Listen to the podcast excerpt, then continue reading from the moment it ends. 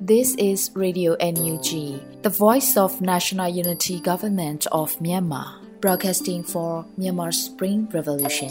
Radio NUG is transmitting from shortwave 16 meter 17.79 MHz at 8:30 a.m. and 25 meter 11.94 MHz at 8:30 p.m. Myanmar Standard Time. မင်္ဂလာပါရှင်။ မြို့သားညီညွတ်ရေးအစိုးရရဲ့အတန်လွန်ဌာန Radio NUG ကိုမနက်ပိုင်း၈နာရီခွဲမှာလိုင်းတူ16မီတာ19.89 MHz ညပိုင်း၈နာရီခွဲမှာလိုင်းတူ25မီတာ17.6 MHz တို့မှာဓာတ်ရိုက်ဖမ်းယူနိုင်စေနိုင်ပါရှင်။မင်္ဂလာအပေါင်းနဲ့ပြည့်စုံကြပါစေ။အခုချိန်ကစပြီး Radio NUG အစီအစဉ်လေးကိုဓာတ်ရိုက်အတန်လွှင့်ပေးနေပါပြီရှင်။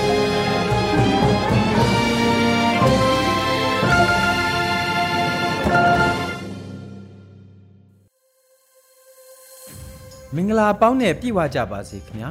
စစ်အာဏာရှင်ကြဆုံးပြီးတောကကင်းဝေသောနေ့တည်များကိုအမြန်ဆုံးအတူတကွပိုင်ဆိုင်နိုင်ကြဖို့ရေဒီယိုအန်ယူဂျီကဆုတောင်းမေတ္တာပို့တာပါတယ်ရေဒီယိုအန်ယူဂျီရဲ့ဒီဇင်ဘာလ29ရက်မနေ့ပိုင်းအတန်လွှင့်စီစဉ်တွေကိုထုတ်လွှင့်ဖို့အချိန်ရောက်ရှိလာပါပြီအခုချိန်ကစလို့ရန်နိုင်ကပြည်တွင်းသတင်းများကိုဖတ်ကြားပါတော့မယ်ခင်ဗျာရေဒီယိုအန်ယူဂျီပရိသတ်များမင်္ဂလာပါခင်ဗျာ ခုချိန်အစပြီး2023ခုနှစ်ဒီဇင်ဘာလ29ရက်နေ့မနက်ခင်းပြည်တွင်းသတင်းများကိုကျွန်တော်ရန်နိုင်ကတင်ဆက်ပေးပါတော့မယ်။ပထမဆုံးသတင်းအနေနဲ့လေကြောင်းနဲ့လက်နက်ကြီးတိုက်ခိုက်တာတွေအာရုံသွားအောင်နီးမျိုးစုံနဲ့လှုပ်ဆောင်ကြဖို့ပြည်ထောင်စုဝန်ကြီးချုပ်မန်ဝင်းခိုင်သန်းတိုက်တွန်းတဲ့သတင်းကိုတင်ဆက်ပေးကြပါမယ်။လေကြောင်းနဲ့လက်နက်ကြီးတိုက်ခိုက်တာတွေအာရုံသွားအောင်နီးမျိုးစုံနဲ့လှုပ်ဆောင်ကြဖို့ပြည်ထောင်စုဝန်ကြီးချုပ်မန်ဝင်းခိုင်သန်းကဒီဇင်ဘာလ28ရက်မှာပြုလုပ်တဲ့ ဂျားကာလာဒေသန္တရပြည်သူ့အုပ်ချုပ်ရေးဖော်ဆောင်မှုဘိုးကော်မတီစည်းဝေးမှာတိုက်တွန်းပြောကြားလိုက်ပါတယ်။စစ်ရေးအရာဖိအားပေးမှုတွေဆရက်တိုးပြီးဖော်ဆောင်နိုင်ဖို့ပြင်ဆင်နေကြမယ့်ချိန်မှာနောက်ပြန်ဆွဲပြီးတော်လှန်ရေးကိုနှောင့်နှေးစေနိုင်မယ့်ကိစ္စရပ်တွေကိုထိထိရောက်ရောက်တားဆီးနိုင်ကြဖို့လိုမှာဖြစ်ပါကြောင်းစစ်ရေးမျက်နှာစာအားကောင်းအောင်တစ်ဖက်ကဖိဖိစည်းစည်းဆောင်ရွက်နေကြရတယ်လို့တစ်ဖက်ကလည်းစစ်ကောင်စီအတွက်ဝင်ငွေရလန်းတွေဖျက်တောက်တဲ့လုပ်ငန်းစဉ်တွေနဲ့ပြည်သူတွေကိုလေကြောင်းနဲ့လက်နက်ကြီးတွေအသုံးပြုပြီးတိုက်ခိုက်တာတွေ အားရသွားအောင်လဲနီးမျိုးစုံနဲ့လှုပ်ဆောင်ကြဖို့အလေးနက်ထားတိုက်တွန်းလိုပါကြောင်းဝန်ကြီးချုပ်ကဆိုပါတယ်။အစည်းအဝေးသို့ပြည်ထောင်စုဝန်ကြီးချုပ်မန်ဝင်းခိုင်တန်းဦးဆောင်ကပြည်ထောင်စုဝန်ကြီးများဒုတိယဝန်ကြီးများမြေနယ်တွင်းဝန်များတွဲဘက်မြေနယ်တွင်းဝန်များနဲ့ဌာနဆိုင်ရာများမှတာဝန်ရှိသူများတက်ရောက်ခဲ့ကြတယ်လို့သတင်းရရှိပါတယ်ခင်ဗျာ။အခုတခါဂျားကာလာဒေသန္တရပြည်သူ့အုပ်ချုပ်ရေးဖော်ဆောင်မှုဘိုးကော်မတီနဲ့စကိုင်းတိုင်းမကွေးတိုင်းခရိုင်ပြည်သူ့အုပ်ချုပ်ရေးဖွဲ့များတွဲဆုံဆွေးနွေးပွဲကို ပြည်ထောင်စုဝန်ကြီးဒေါက်တာဇော်ဝေဆိုးတက်ရောက်တဲ့သတင်းကိုတင်ဆက်ပေးပါမယ်။ဂျားကာလာဒေသန္တရပြည်သူ့အုပ်ချုပ်ရေးဖော်ဆောင်မှုဘိုးကော်မတီနဲ့စကိုင်းတိုင်းမကွေးတိုင်းခရိုင်ပြည်သူ့အုပ်ချုပ်ရေးဖွဲ့များတွဲဆုံဆွေးနွေးမှုစီဝေးစနစ်မြင်းဆောင်2023ကိုဒီဇင်ဘာလ28ရက်မှာကျင်းပခဲ့ပြီးပြည်ထောင်စုဝန်ကြီးဒေါက်တာဇော်ဝေဆိုးတက်ရောက်ခဲ့ပါတယ်။အစည်းအဝေးမှာဂျားကာလာဒေသန္တရပြည်သူ့အုပ်ချုပ်ရေးဖော်ဆောင်မှုဘိုးကော်မတီအဖွဲ့ဝင်ပညာရေးကျန်းမာရေးဝန်ကြီးဌာနပြည်ထောင်စုဝန်ကြီးဒေါက်တာဇော်ဝေဆိုးတက်ရောက်ကာအဖွဲ့အမှားစကားပြောကြားခဲ့ပါတယ်။ ဆက်လက်ပြီးခရိုင်ပြည်သူ့အုပ်ချုပ်ရေးဖွဲ့များကမြေပြင်ကြုံတွေ့နေရတဲ့ကိစ္စရပ်များလိုအပ်ချက်များအခက်အခဲများကိုမေးမြန်းဆွေးနွေးကြကာဝန်ကြီးဌာနရဲ့တာဝန်ရှိသူများကပြန်လည်ဖြေကြားဆောင်ရွက်ခဲ့ကြပါတယ်။အစည်းအဝေးသို့ပြည်ထောင်စုဝန်ကြီးဒေါက်တာဇော်ဝေဆိုးကဦးဆောင်ကအမြဲတမ်းတွန်းဝန်များတွဲဘက်အမြဲတမ်းတွန်းဝန်များဌာနဆိုင်ရာများမှတာဝန်ရှိသူများနဲ့စကိုင်းတိုင်းမကွေးတိုင်းရှိခရိုင်ပြည်သူ့အုပ်ချုပ်ရေးဖွဲ့များကတက်ရောက်ခဲ့ကြတယ်လို့သတင်းရရှိပါတယ်ခင်ဗျာအခုဆက်လက်ပြီး ဆက်သွယ်ရေးဖြတ်တောက်ခံထားရတဲ့နေရာတွေမှာသတင်းအချက်အလက်မပြတ်လက်စေဖို့ Federal Net ကဆောင်ရွက်ပေးမယ်ဆိုတဲ့သတင်းကိုလည်းတင်ဆက်ပေးကြပါမယ်ဆက်သွယ်ရေးဖြတ်တောက်ခံထားရတဲ့နေရာတွေမှာသတင်းအချက်အလက်မပြတ်လက်စေဖို့ Federal Net ကဆောင်ရွက်ပေးမယ်လို့ဒီဇင်ဘာလ28ရက်ညပိုင်းမှာ Federal Net Campaign ကအသိပေးဆိုပါတယ်ဆက်သွယ်ရေးဖြတ်တောက်ခံထားရတဲ့နေရာတွေမှာစစ်ရုံမာတွေရောက်ရှိလာမှုသတင်းကိုသတင်းအချက်လက်မပြတ်လက်စေဖို့ Federal Net ကဆောင်ရွက်ပေးမှာမို့ပြည်သူတွေရဲ့အသက်အိုးအိမ်စီစဉ်တွေကိုကြိုတင်ကာကွယ်နိုင်မယ်။ တော်လိုင်းရဲဘော်တွေကြားသတင်းအချက်လက်ဆက်သွယ်ပေးဖို့ရမှာဖြစ်စေအစင်းမြင့်ဤပညာများဖလှယ်တင်ယူရမှာဖြစ်စေမရှိမဖြစ်လိုအပ်နေတာအင်တာနက်ပါဒါကြောင့် Federal Net Campaign ကိုဒုပြည်သူတွေဝိုင်းဝန်းကူညီကြပါစို့လို့ဆိုထားပါတယ်။ကမ်ပိန်းကာလကို2024ခုနှစ်ဇန်နဝါရီလ15ရက်နေ့ထိသတ်မှတ်ထားပြီးကမ်ပိန်းသတ်မှတ်ချက်32.8ရာခိုင်နှုန်းလိုအပ်နေပါသေးတယ်။မြို့သားညီညွတ်ရေးဆိုရဆက်သွယ်ရေးသတင်းချက်လက်နဲ့နေပညာဝန်ကြီးဌာနကမြို့နယ်9မြို့နယ်မှာအင်တာနက်တိုးချက်တက်ဆင်နိုင်ဖို့ရည်ရွယ်ပြီး Federal Net Campaign ကိုလှုပ်ဆောင်နေတာဖြစ်ပါတယ်ခင်ဗျာအခုတခါ ITV မျိုးသမီးများအတွက်အခြေခံစက်ချုပ်တင်တဲ့ဒုတိယကြိမ်မြောက်ဖွင့်လှစ်တယ်ဆိုတဲ့သတင်းကိုတင်ဆက်ပေးကြပါမယ်။ ITV မျိုးသမီးများအတွက်အခြေခံစက်ချုပ်တင်တဲ့ဒုတိယကြိမ်မြောက်ဖွင့်လှစ်ခဲ့တယ်လို့မြို့သားညီညွတ်ရေးဆိုရမျိုးသမီးလူငယ်နဲ့ကလေးငယ်ရေးရာဝန်ကြီးဌာနကအသိပေးဖော်ပြပါတယ်။ရိုးရာအစဉ်ဒီဇိုင်းများမပြောက်ပြက်အောင်ထိမ့်သိမ်းဆောင်ရှောက်ရေးနဲ့ခင်မီဆန်းသစ်အစဉ်ဒီဇိုင်းများဖန်တီးချုပ်လုပ်နိုင်ရေးရည်ရွယ်ချက်ဖြင့် မြို့သားညီညွတ်ရေးအစိုးရမြို့သွင်းလူငယ်နဲ့ကလေးငယ်ရေးရာဝန်ကြီးဌာနနဲ့ Lincoln Foundation တို့ပူးတွဲဖွင့်လှစ်တဲ့ IDB စစ်ဘေးရှောင်မြို့သမီးများအတွက်အသက်မွေးဝမ်းကြောင်းပညာရပ်တစ်ခုဖြစ်တဲ့အခြေခံစက်ချုပ်တင်တဲ့အမှတ်စဉ်နှစ်မြင်းဆောင်2023ကိုဒီဇင်ဘာလ23ရက်မှာဖွင့်လှစ်ပေးခဲ့တယ်လို့ဆိုပါတယ်။အခုဖွင့်လှစ်တဲ့တင်နန်းဟာဒုတိယကြိမ်မြောက်ဖွင့်လှစ်ခြင်းဖြစ်ပြီးတင်နန်းကာလဟာ3လဖြစ်ပါတယ်။မြို့သမီးလူငယ်နဲ့ကလေးငယ်ရေးရာဝန်ကြီးဌာနအနေနဲ့အလားတူအခြေခံစက်ချုပ်တင်နန်းများကို ထပ်မံဖွင့်လှစ်သွားမယ်လို့သတင်းရရှိပါတယ်ခင်ဗျာအခုတခါနမ်ဒူမြို့မှာတောင်းတက်မတော် PSLF TNL မှစစ်ကောင်စီတပ်ထံကသိမ်းဆည်းရမိတဲ့လက်နက်ခဲယမ်းများထုတ်ဖော်ပြသတဲ့ဆိုတဲ့သတင်းကိုလည်းတင်ဆက်ပေးပါောင်းမယ်။နမ်ဒူမြို့မှာတောင်းတက်မတော် PSLF TNL မှစစ်ကောင်စီတပ်ထံကသိမ်းဆည်းရမိခဲ့တဲ့လက်နက်ခဲယမ်းများကိုဒီဇင်ဘာလ28မှာထုတ်ဖော်ပြသခဲ့ပါတယ်။နမ်ဒူမြို့နယ်စစ်ကောင်စီတပ်စခန်းများကို တောင်တပ်မတော် PSLF TNL က10နှစ်ခွန်စစ်စင်ရေးတွင်ဒီဇင်ဘာလ25ရက်နေ့မှစတင်တိုက်ခတ်ခဲ့ပြီး၄ရက်အကြာဒီဇင်ဘာလ28ရက်နေ့မနက်တနိုင်မိနစ်30ချိန်မှာစစ်ကောင်စီခမရ324ဗျူဟာကုန်းပါဝင်တပ်စခန်းများဖြစ်တဲ့မန်ဆန်တပ်စခန်းပန်းတပြေတပ်စခန်း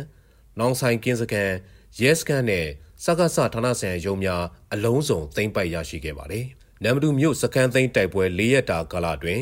စစ်ကောင်စီတပ်မှလေကြောင်းတိုက်ခိုက်မှုစုစုပေါင်း62ကြိမ်ဘုံကျဲချမှုအကြိမ်ပေါင်း218ကြိမ်လက်နက်ကြီးပစ်ခတ်မှု63ကြိမ်တက်မင်းအသုံးပြုတိုက်ခိုက်ခဲ့ပါတယ်စစ်ကောင်စီနံပါတ်တပ်စခန်းကိုတောင်းတက်မတော် PSLF TNL ကတိုက်ခိုက်နေစဉ်တွင်စစ်ကောင်စီရဲ့ရက်ဘက်ဦးတီတိုက်ခိုက်မှုကြောင့်နံပါတ်မြို့နယ်ဒေသခံ2ဦးသေဆုံးခဲ့ပြီး10ဦးဒဏ်ရာရရှိကာ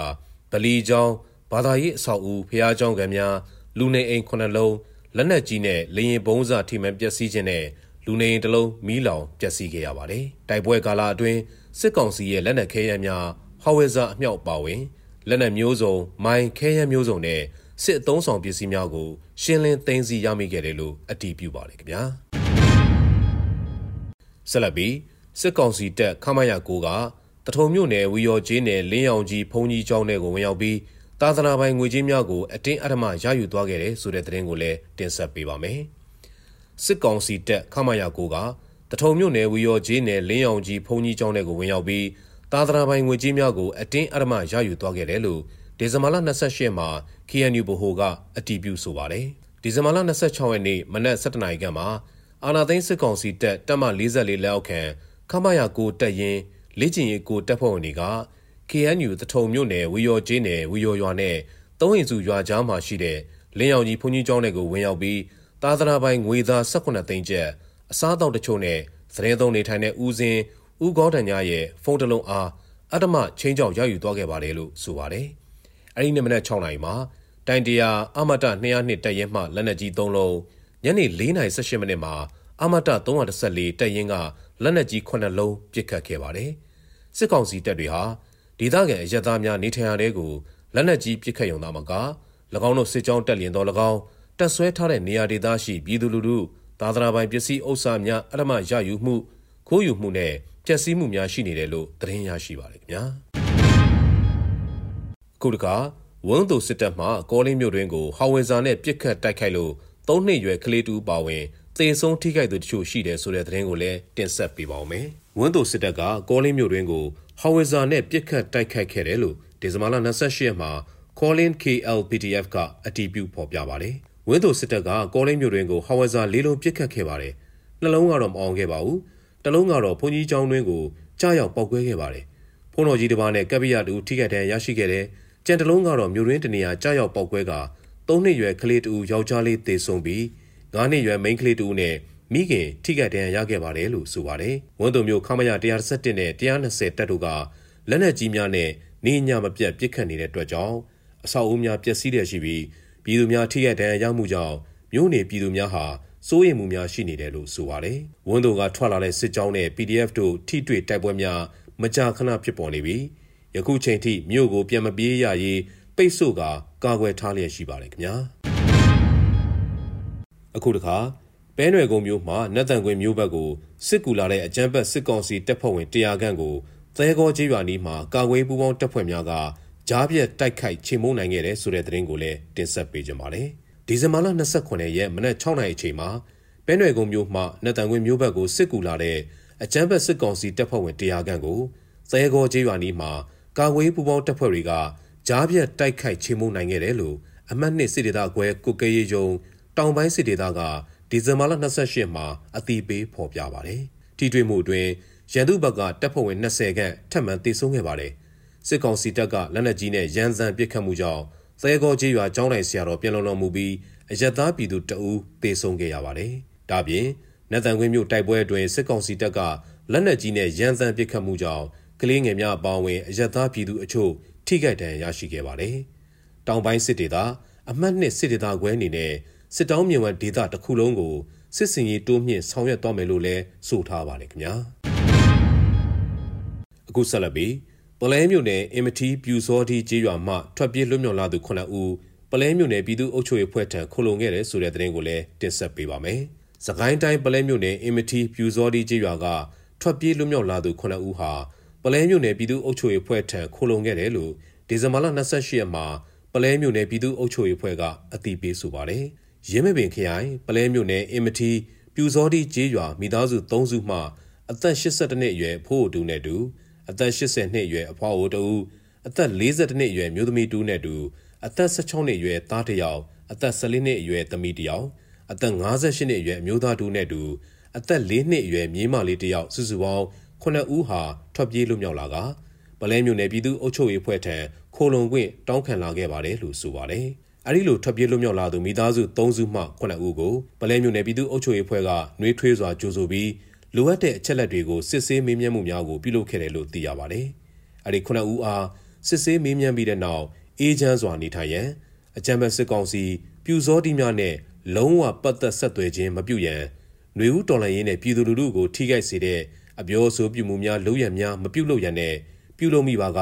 ပြင်းထန်တဲ့အပြစ်ပေးအရေးယူခြင်းကိုခံရမှာဖြစ်ကြောင်း ခံဝန်ကတိလက်မှတ်ရေးထိုးစေခဲ့ပါတယ်။ခံဝန်ကတိရေးထိုးပြီးတဲ့နောက်ထွက်ပြေးလွတ်မြောက်လာသူမိသားစု3စုမှ9ဦးကိုပလဲမျိုးနယ်ပြည်သူ့အုပ်ချုပ်ရေးဖွဲ့ကစောင်းမိုးက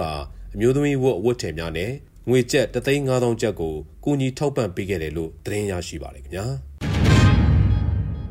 ။အခုနောက်ဆုံးဒင်းနိုင်မြို့နယ်မှာနှစ်ရက်တာတိုက်ပွဲအတွင်းစကားစတပ်ဖွဲ့ဝင်20ခန့်တေဆုံးခဲ့တဲ့ဆိုတဲ့သတင်းကိုလည်းတင်ဆက်ပေးပါမယ်။ဒင်းနိုင်မြို့နယ်မှာနှစ်ရက်တာတိုက်ပွဲအတွင်း စကားစတပ်ဖွဲ့ဝင်20ခန့်သေဆုံးခဲ့တယ်လို့တိုင်းစစ်ဌာနတင်းနှင်းသာရီပြန်ကြားရေးကဒီဇင်ဘာလ28မှာအတိပေးဖော်ပြပါတယ်ဒီဇင်ဘာလ25ရက်နေ့မနက်6နာရီချိန်မှာ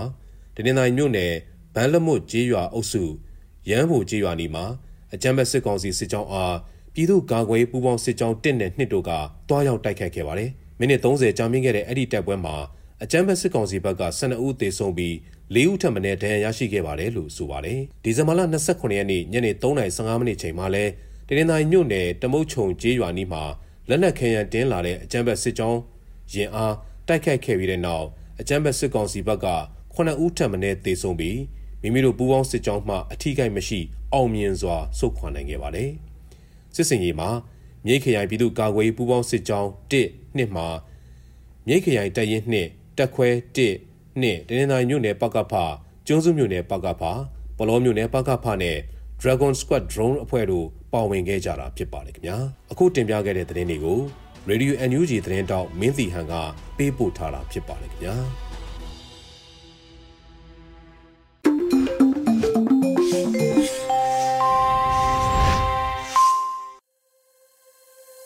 ရေဒီယိုအန်ယူဂျီရဲ့ပြည်တွင်းသတင်းများကိုရန်နိုင်ကဖတ်ကြားတင်ပြခဲ့တာဖြစ်ပါတယ်။ တောတာရှင်များခင်ဗျာအခုတခါတော်လိုင်းကြပြအစီအစဉ်မှာတော့နိုင်မွန်အောင်တွင်ရေးသားပြီးຫນွေဥမိုးခန်းစားရွတ်ဖတ်ထားတဲ့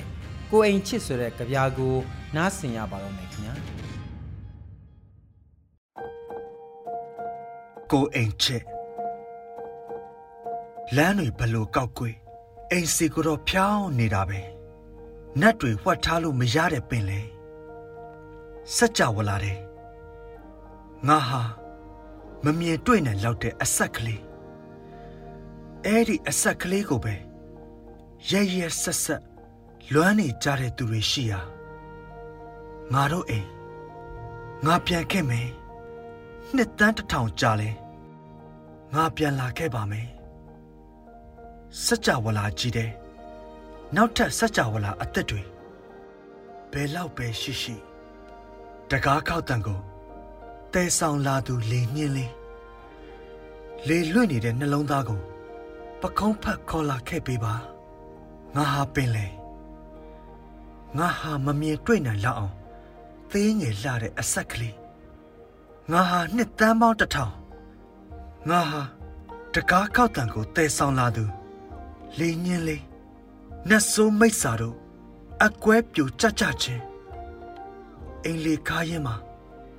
ရောက်နေနေပြီးသားဖြစ်စေရမယ်ငါအရင်စေဘဝစက်ကပါကလေးက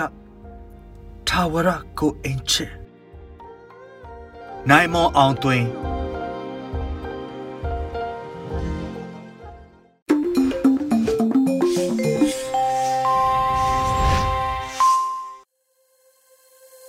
တော်လိုင်းကြီးကြပြာကိုနားဆင်လို့ပြီးမှအခုတခါ မြန်မာနွေခရိုနီကယ်ရဲ့ဒီဇင်ဘာလ29ရက်နေ့တတိမြင်ကွင်းဆောင်းပါးကိုနားဆင်ရဖို့ရှိပါတယ်။လက်နက်ကင်တိုက်ပွဲတွေကြားပေါ်ထွက်လာတဲ့ကြောက်ဖြူရင်းနဲ့စိတ်ကန်းစာချုပ်ဆိုတဲ့ခေါင်းစဉ်နဲ့တတိမြင်ကွင်းဆောင်းပါးကိုຫນွေဦးမိုင်ကဖတ်ကြားတင်ပြပါတော့မယ်ခင်ဗျာ။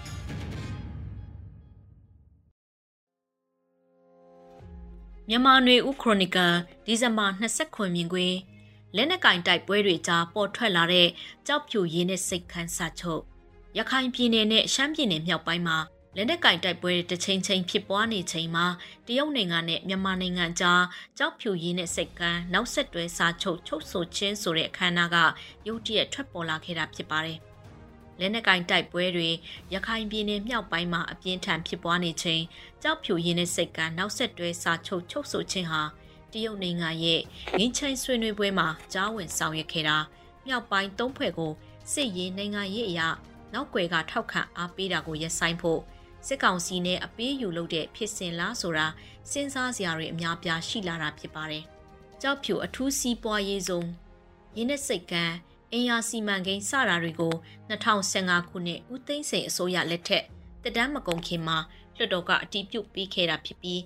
ဒီထက်စောတဲ့ကနဦးစတင်လေးလာမှုတွေက2009ခုနှစ်နဝတစစ်အစိုးရလက်ထက်မှာစတင်ခဲ့တာလို့ဆိုရမှာဖြစ်ပါတယ်။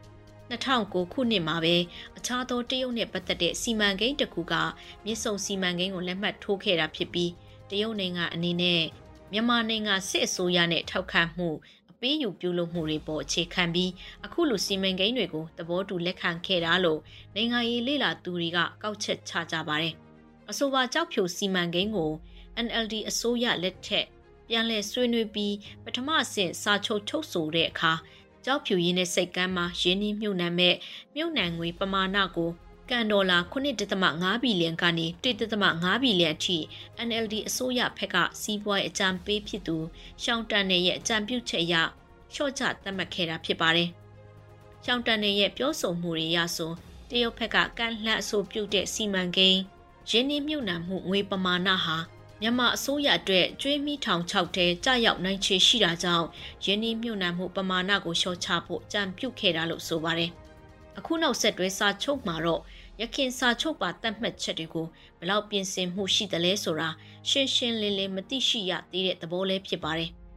ကြောက်ဖြူရင်းနဲ့စိတ်ကန်းနဲ့ အထူးစီးပွားရေးဆောင်စီမံကိန်းဟာတရုတ်နိုင်ငံအနေနဲ့ယူနန်ပြည်နယ်ကိုပင်လယ်စိတ်ကန်းထွက်ပေါက်ဖြစ်ရစေပြီးတရုတ်ပြည်ကကုန်ပစ္စည်းတွေကိုတောင်အာရှနိုင်ငံတွေဖြစ်တဲ့တိရိလင်္ကာဘင်္ဂလားဒေ့ရှ်အိန္ဒိယပါကစ္စတန်နီပေါစတဲ့နိုင်ငံနဲ့ဥရောပအာဖရိကတို့ကနိုင်ငံတွေစီတင်ပို့ဖို့ရည်ရွယ်ထားပြီး တစ်နှစ်ကိုပေ20အရှည်ရှိတဲ့ကုန်သစ်တာ9တန်လက်ခံနိုင်မဲ့စိတ်ကန်းအဖြစ်ရီမှန်းချက်ထားတာလို့စစ်ကောင်စီရဲ့ထူးစီးပွားရေးဆောင်ဥက္ကဋ္ဌ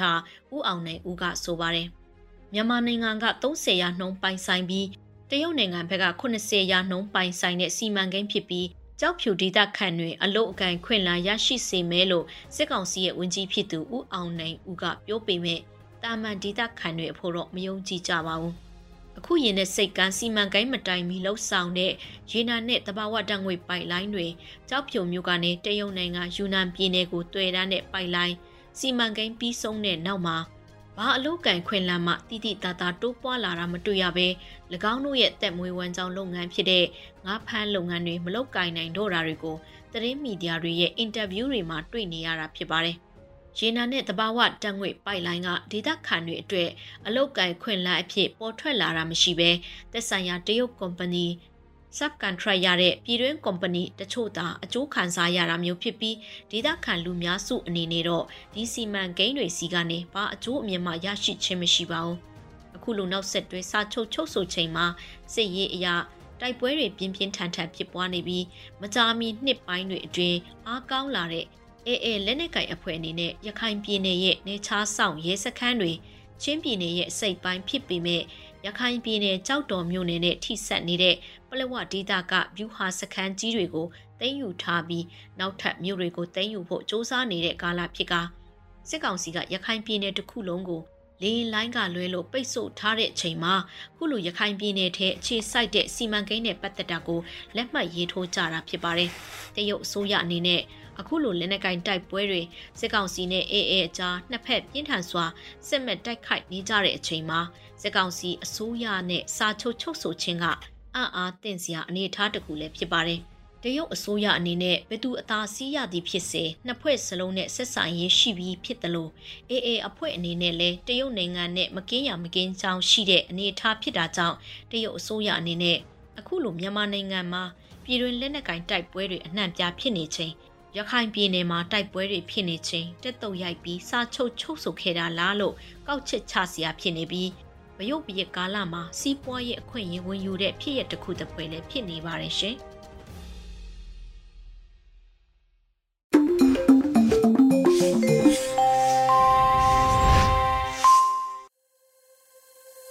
ဒီဇင်ဘာလ29ရက်နေ့တည်င်းမြင်ကွင်းဆောင်းပါးစီစဉ်ကိုနားဆင်လို့ပြီးပါပြီတောတာရှင်များခင်ဗျာ အခုတခါတော်လိုင်းရေးတေဂီတာအစီအစဉ်မှာတော့စလိုင်းကီမန်ရေးသားပြီး CDF ကံပက်လက်ရဲဘော်များစုပေါင်းတီဆိုထားကြတဲ့အိမ်ပြန်နိုင်မဲ့နေ့ဆိုတဲ့တေးသချင်းကိုထုတ်လွှင့်လိုက်ပါတယ်ခင်ဗျာ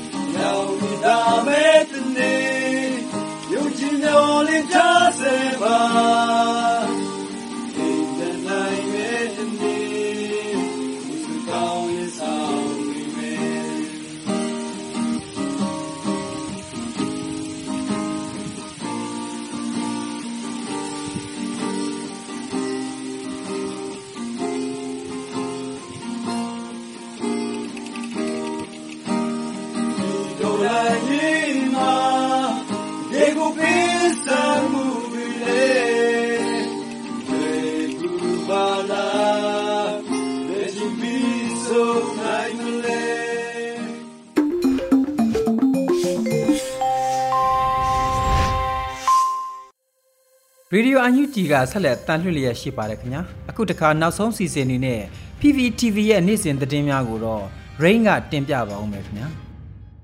အခုချိန်ကစပြီး PPTV သတင်းတွေကိုတင်ဆက်ပေးတော့မှာပါကျွန်မရိမ့်ပါ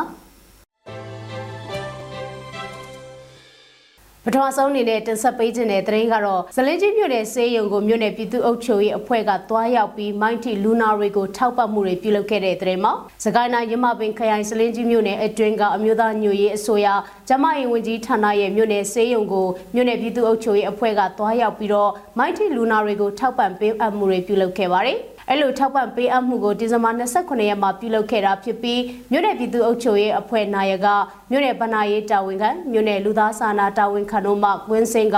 မိုင်းထီလူနာဖြစ်တဲ့အသက်14နှစ်အရွယ်ကလေးငယ်ကိုကျပ်2သိန်းထောက်ပံ့ပေးအပ်ခဲ့ပါတယ်။ဒါပြင်အကြမ်းဖက်စစ်တပ်ရဲ့နေအိမ်မိရှုမှုကိုခံရတဲ့အပြင်မိုင်းထိပြီးလက်ထိခိုက်ခဲ့ရတဲ့ CDM ဆီယာမရဲ့ခင်မွန်းဖြစ်သူကိုကြက်တသိန်းထောက်ပံ့ပေးရခဲ့တယ်လို့စလင်ကြီးမြို့နယ်ပြည်သူ့အုပ်ချုပ်ရေးအဖွဲ့ထံမှသိရပါဗျ။ ထပ်မံတင်ဆက်ပေးမှာကတော့ဂေါဂရိတ်မြို့နယ်ရှိစစ်ဆောင်ပြည်သူတွေကိုအခြေခံစားနပ်ရိက္ခာတွေနဲ့ကျန်းမာရေးစောင့်ရှောက်မှုတွေပြုလုပ်ပေးခဲ့တဲ့တဲ့မှာကဲအမျိုးသားစီယုံ KNU ဒူပလာယာခရိုင်ကော့ဂရိတ်မြို့နယ်အတွင်းမှာရှိတဲ့စစ်ပေးဆောင်ပြည်သူတွေကိုဒူပလာခရိုင်မှာအဖွဲ့အစည်းတွေနဲ့ကျန်းမာရေးနဲ့ကယ်ဆယ်ရေးဌာနတို့ပူးပေါင်းပြီးအခြေခံစားနပ်ရိက္ခာတွေနဲ့ကျန်းမာရေးစောင့်ရှောက်မှုတွေပြုလုပ်ခဲ့ကြောင်း KNU ဗဟိုကမင်းညကထုတ်ပြန်ခဲ့ပါတယ်။ ဂေါဂရမြို့နယ်အတွင်းရှိစစ်ဆောင်ပြည်သူတွေကိုစံစီစားအချုံမှုငရုတ်သီးချက်သွန်ပဲအစရှိတဲ့အခြေခံစားနပ်ရိက္ခာတွေကိုဒီဇင်ဘာလ26ရက်နဲ့29ရက်အတွင်းဒူပလာယာခရိုင်ဂေါဂရမြို့နယ်ကောင်းဆောင်တွေရဲ့ဥဆောင်မှုနဲ့ကရင်လူငယ်စီယုံ KYO ကရင်မျိုးသမီးအစည်းအရုံး KWO ပြည်တွင်းဌာနေမဲ့ကရင်ဒုက္ခသည်များဆိုင်ရာကော်မတီ CIDKP Free Burma Ranger FPR ကော့ဂရိတ်မြို့နယ်အရေးပေါ်တုံ့ပြန်ရေးနဲ့လူမှုကူညီဆောက်ရှောက်ရေးကော်မတီစတဲ့အဖွဲ့အစည်းတွေနဲ့ဒုပလာရခရိုင်ကျန်းမာရေးနဲ့ကယ်ဆယ်ရေးဌာနတို့မှပူးပေါင်းပြီးကူညီထောက်ပံ့ပေးခဲ့တာပါ။ဒါပြင်ဒုတိယအကြိမ်စစ်ပေးဆောင်ပြည်သူတွေကိုကျန်းမာရေးပိုင်းဆိုင်ရာကြီးစုစစ်ဆေးပေးပြီးစေဝါကုသမှုများဆောင်ရွက်ပေးခဲ့တယ်လို့ဆိုပါတယ်။ ဒုပလာယာခရိုင်ကော့ကရိတ်မြို့နယ်ရှိဒေသခံပြည်သူများမှတာမကမြို့နယ်တိုင်းရှိဒေသခံပြည်သူများကအကြမ်းဖက်စစ်တပ်ရဲ့အာဏာသိမ်းမှုကြောင့်ဆင်းရဲဒုက္ခပေါင်းများစွာကြုံတွေ့ရတဲ့အပြင်အကြမ်းဖက်စစ်ကောင်စီတပ်ကလက်နက်ကြီးများနဲ့ရန်တမ်းပစ်ခတ်မှုလေရင်နဲ့ပုံကျဲပစ်ခတ်မှုတွေကြောင့်အသက်ပေါင်းများစွာလည်းဆုံးရှုံးခဲ့ကြရပါတယ်လို့ဆိုပါတယ်လက်ရှိမှာကော့ဂရိတ်တနယ်လုံးအတွင်းစစ်ဆောင်ပြည်သူ3000ကျော်ရှိနေပြီးစစ်ဆောင်ပြည်သူတွေအရေးပေါ်စားနပ်ရိက္ခာတွေထပ်မံလိုအပ်လျက်ရှိကြောင်းထုတ်ပြန်ချက်မှာဖော်ပြထားပါတယ်။